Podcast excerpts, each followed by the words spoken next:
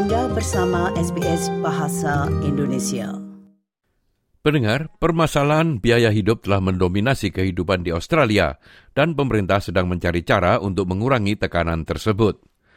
Kode etik pangan dan bahan makanan yang mengontrol bagaimana supermarket dan pemasok berinteraksi kini sedang ditinjau karena banyak warga Australia menyatakan tekanan finansial terkait dengan biaya bahan makanan.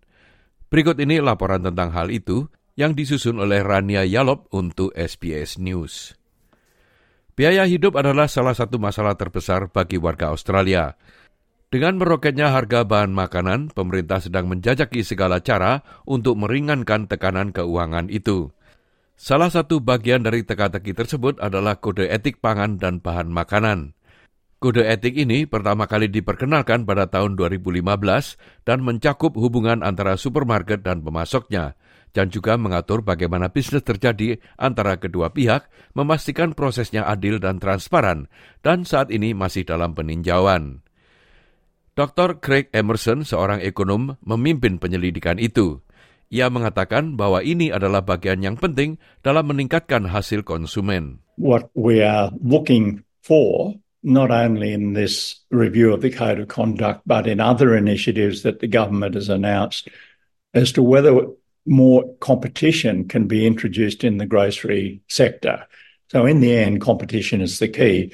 This forms part of a broader approach which looks at whether there are ways of getting more competition into the supermarket industry in Australia. Kode etik ini bersifat sukarela dan Dr. Emerson mengatakan hal itu bisa berubah. there's only since 2020 been five disputes recorded under the Code of Conduct.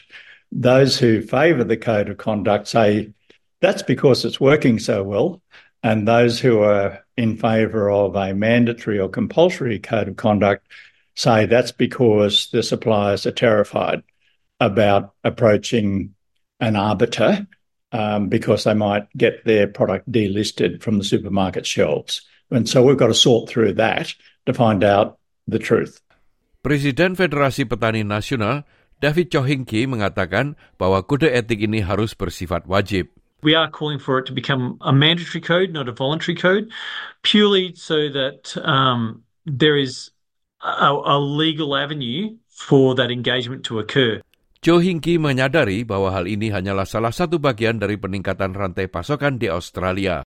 We've got to be very careful that we don't treat this as a silver bullet fix. There's a lot of other things that take the supply chain and to operate efficiently. And we're just saying that we, yes, we need to cover off on this issue, but there's a lot more work to be done if we want consumers and farmers to both benefit out of a more productive and efficient system.